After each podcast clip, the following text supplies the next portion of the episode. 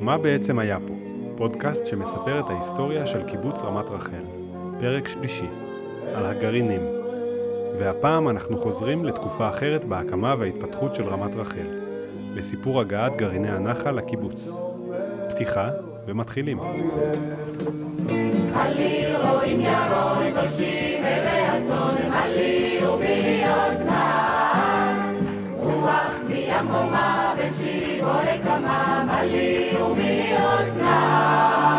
שנות ה-60, קיבוץ רמת רחל במשבר. קצת יותר מעשור אחרי מלחמת העצמאות והעלייה המחודשת על הקרקע, ואחרי יותר משנה שהקיבוץ נטוש. קבוצה גדולה של חברים עזבו כדי להצטרף לקיבוץ עין כרמל. החברים שחזרו עמלים על שיקום הקיבוץ במיקומו החדש, בצד השני של הגבעה. המקום עוד הולך ומתפתח, אבל מספרם של חברי הקיבוץ הידלדל דרמטית, והאווירה בקיבוץ קשה.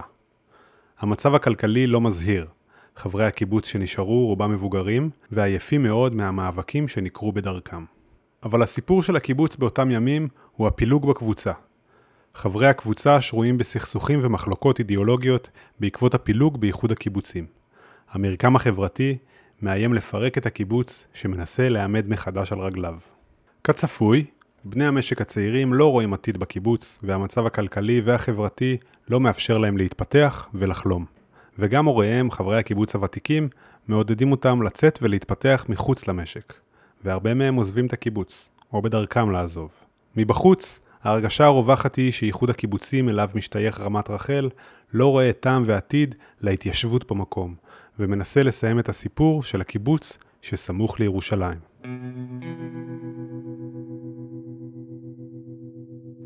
בעקבות המצב הפנימי בקיבוץ והיחסים עם האיחוד, מגיעה משלחת מטעם האיחוד לחקור את הנעשה בקיבוץ. זהו פרוטוקול הישיבה מה-16 לשישי 1959. מדברי החברים נצטיירה התמונה שבעוד המצב הכלכלי הוא טוב, ירוד מאוד המצב החברתי. אחרי מלחמת השחרור נהרס המשק, ויחד עם זה נפגעה קשה החברה ברוחה. כשהחל הפילוג בקיבוץ המאוחד, עזב חלק גדול מהקבוצה ורק מעטים חזרו מן הגלות לרמת רחל. הרגשת החברים היא שהתנועה נוטה לוותר על קיומה של רמת רחל. הרגשה זו גורמת לאוזלת יד ולרוח נכה. בפרוטוקול הישיבה מובאים ציטוטים של חברים מהקיבוץ. יעקב רוכין מצוטט כשאומר יש לנו ציוד חקלאי, יש מכבסה, יש מכונות לנגריה, אבל אין נגרים. יש אפשרויות רבות להקים משק לתפארת, רק אנשים, אין. הבנים הבוגרים עזבו אותנו, גיוס משפחות ותיקות עשוי לשמש רק עזרת ביניים. צריך לבוא לרמת רחל גוף צעיר אשר יכלול בתוכו את מעט הוותיקים, נאמני הקבוצה, ויבנה את החברה מחדש. חבר הקיבוץ מאיר כרמי אומר גם הגננת היחידה שכירה, אבל עוד מעט לא יהיה צורך בגננת, כי לא יהיו ילדים לגן. עומדים לעזוב אותנו בקרוב 11 איש בתוספת ילדיהם. לשם קיום המשק נחוצים לנו עוד 50 איש עובדים. צריך לשלוח הנה גוף צעיר. אנחנו נתונים עשר שנים רצופות בתוך תהליך של גסיסה. זוהי מיטה תוך פרפורים. אל נא תרשמו זאת בשביל ההיסטוריה, אלא תעשו דבר של ממש. הישיבה נמשכה למעלה מארבע שעות, ונסתיימה קרוב לחצות. לחברי המשלחת התבהר המצב הקשה. קיבוץ רמת רחל עומד בפני צומת מכריעה, והולך לקראת פירוק. החברים מיואשים, וללא סיוע מבחוץ, הסתיים הפרק הזה של הקיבוץ על הגבעה. חברי המשלחת ביקשו לעודד את החברים ודרשו מהם לא להתייאש, אלא להתאושש, ואז יהיה קל יותר להגיש להם עזרה. מזכירות האיחוד הקימה ועדה מיוחדת למען רמת רחל, אבל אין היא יכולה להבטיח הצלחה. וכן יש להכין גרעין שיגיע לרמת רחל ושיראה בזה משימה, ייעוד ודגל. בעקבות הישיבה מקימים באיחוד ועדה מיוחדת לטיפול בשיקומה החברתי של רמת רחל, שמתחייבת לעזור, אבל לא מבטיחה להצליח. המהלך הראשון שהוועדה מקדמת הוא חיזוק המשק בעזרת צעירים מעמק הירדן אחרי שירות צבאי, שמגיעים למעין שנת שירות ברמת רחל כדי לעבוד ולעזור למשק להתקיים. רובם הגדול של הצעירים חוזרים ליישובים מהם הגיעו, לעתים אף בליווי של בני ובנות משק שהכירו ברמת רחל, וכעת עוזבים גם הם את הקיבוץ. ובמקביל, הצעירים בני המקום גם הם מבינים שאת המשבר החברתי-דמוגרפי הזה אפשר לפתור רק בדרך אחת, להביא אל רמת רחל צעירים בני גרעין.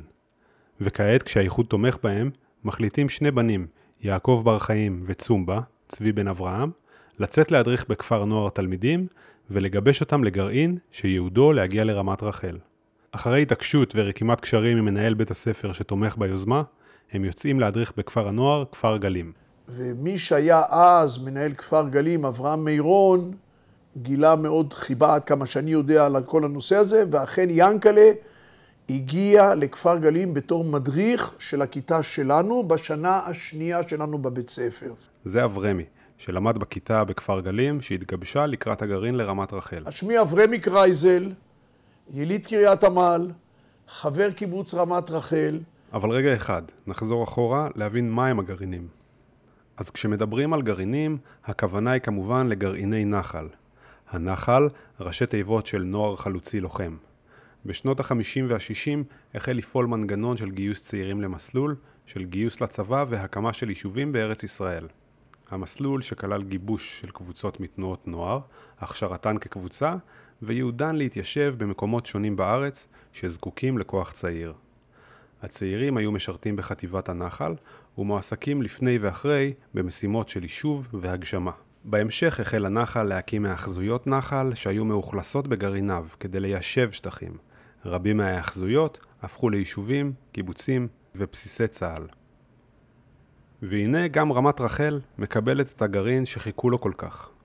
חברי הגרעין בוחרים את השם רמות. אנחנו מגיעים לרמת רחל, והקיבוץ, כמו שאנחנו יודעים, עדיין לפני ששת הימים, יישוב ספר, הגבול על ידינו, מצד אחד מאוד מרגש, מצד שני זה גם די, אה, אתה יודע. המקום היה איום ונורא, מוזנח, קוצים עד הגג, כמעט לא היו פה חברים, כמעט לא היו פה ילדים. בני כיתה שלנו, יחיאל ומרים, יעקב ביגמן, היה עוד כמה חבר'ה. זה ג'וחה. יוסף אבי יאיר אנגל. אני מגרעין רמות. גדלתי בבית שבו אבא שלי היה מדריך צמחי נוי במשרד החקלאות. זוהי מניה יואל.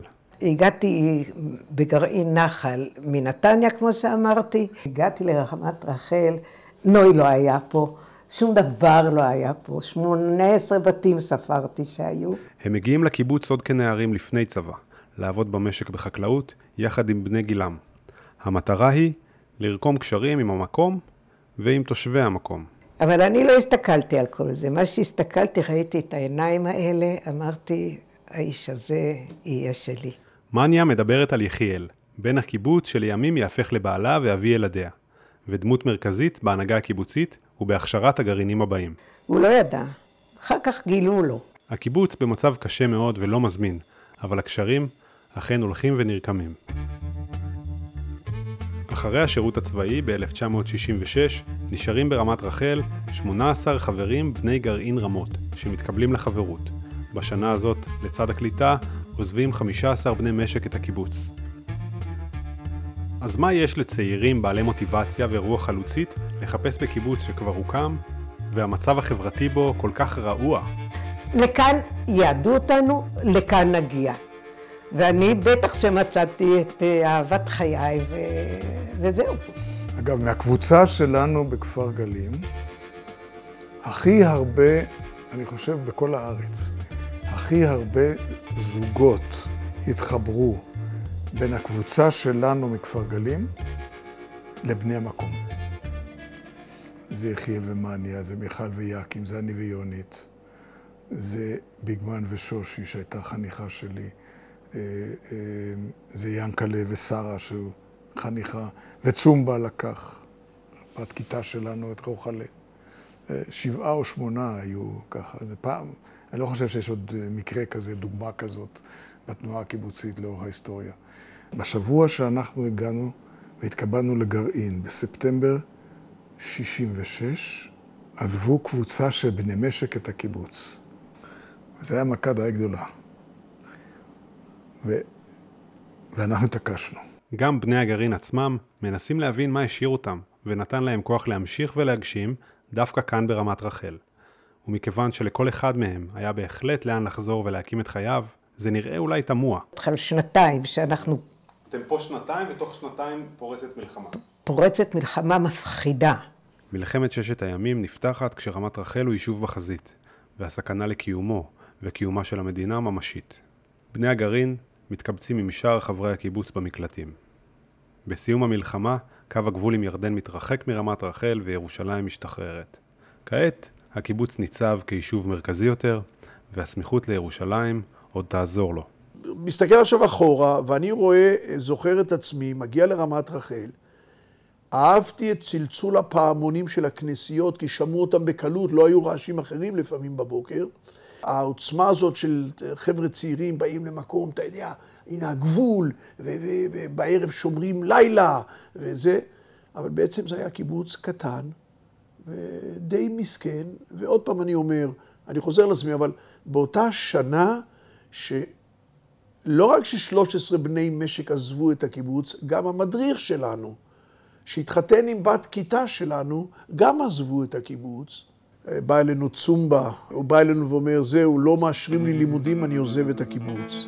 זה לא נותן לך הרבה מוטיבציה להישאר. זה בדיוק מה שאני שואל. לא נותן הרבה מוטיבציה להישאר. גם אני, בשלב מסוים, ב-68, אולי אתה לא יודע, לקחתי את מרים ואת אודי ועזבנו את הקיבוץ. למה? כי לא ראינו פה עתיד. האתגרים ממשיכים להגיע לפתחה של הקבוצה. בני המקום, יחד עם בני הגרעין הראשון, לא מוותרים ונחושים להמשיך. הרוח והאמביציה שלהם נחוצה מאוד בקיבוץ המשתקם, והם הולכים ותופסים עמדות מפתח בקיבוץ. יחיאל היה מרכז משק בן 21, מה שהיום נקרא מנהל עסקים, מרכז משק. מני הייתה מזכירה, אני הייתי מזכיר בגיל 24. אבל הקיבוץ צריך עוד ידיים עובדות ותוספת של רוח צעירה שתמשיך את התנופה שרק החלה. והם אכן מצליחים להביא גרעין נוסף, הפעם מטעם התנועה. הגרעין הבא, גרעין קדרון, מגיע כמה שנים אחרי, כאשר חברי גרעין רמות כבר מאיישים תפקידים בכירים במשק. 22 בני ובנות חברי גרעין קדרון מתקבלים לחברות ב-1972, ומביאים איתם את רוח התקופה של אחרי מלחמת ששת הימים. תקשיב, מלחמת ששת הימים הביאה את המתנדבים. נו, רמת רחל הייתה מקור אטרקטיבי למתנדבות ומתנדבים אחרי המלחמה, ואז מגיעים כל החתיכים והחתיכות, ומה שפה קורה זה חגיגה אחת גדולה. כעת, כשקו הגבול התרחק מהקיבוץ, הקבוצה החדשה בקיבוץ מביאה איתה קצת רוקנרול ודיסקו. זה כבר, זה כבר קיבוץ אחר. הם כבר באו, הם היו שטותניקים, הם פרצו למדבר, הכנו אוכל, הם היו מתפרצים, סוברים, לא הכרנו את הדבר הזה, אנחנו, הגרעין שלנו לא עשה דברים כאלה. גרעין של ילדים טובים. ילדים, כן. וכולם מעשנים, וסקס חופשי, ו... שזה לא אנחנו, אנחנו היינו שמרנים. גם הגרעין הזה משתלב מהר בענפי הקיבוץ, שזקוק לדם צעיר ותנופת פיתוח. הם עובדים קשה, אבל לא שוכחים ליהנות.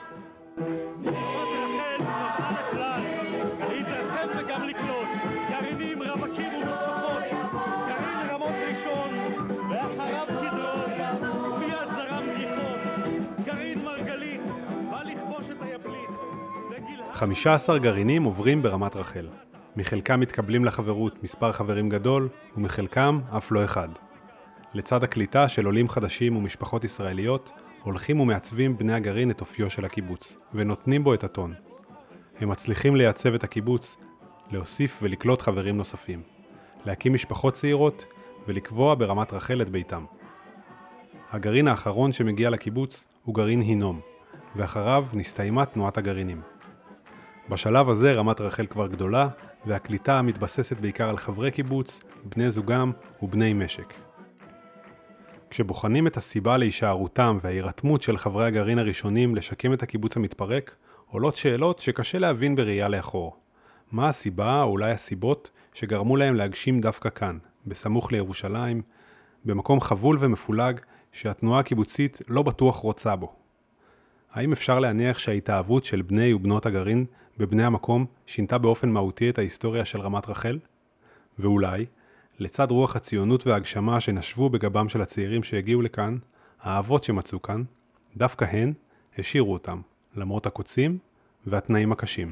כשמסתכלים היום אחורה זה, זה קצת מוזר, אבל אה, משהו תפס אותנו פה. מה, לא, לא, לא, תפ, לא תפסו אותי המריבות של החברים הוותיקים, הפילוג של עין כרמל, עזיבות אינסופיות, אלמנות מהמלחמה. לא יודע, אני, שוב אני אומר, אין לי תשובה.